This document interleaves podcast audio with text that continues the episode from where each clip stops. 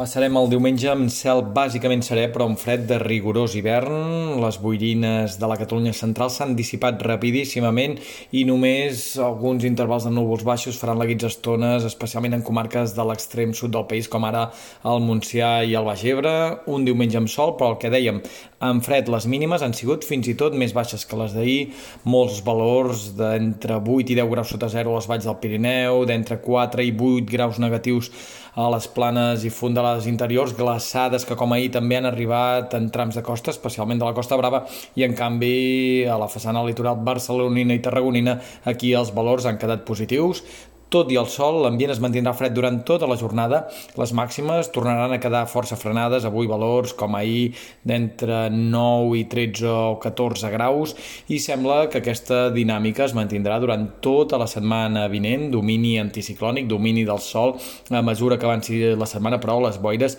aniran recuperant protagonisme a la Catalunya central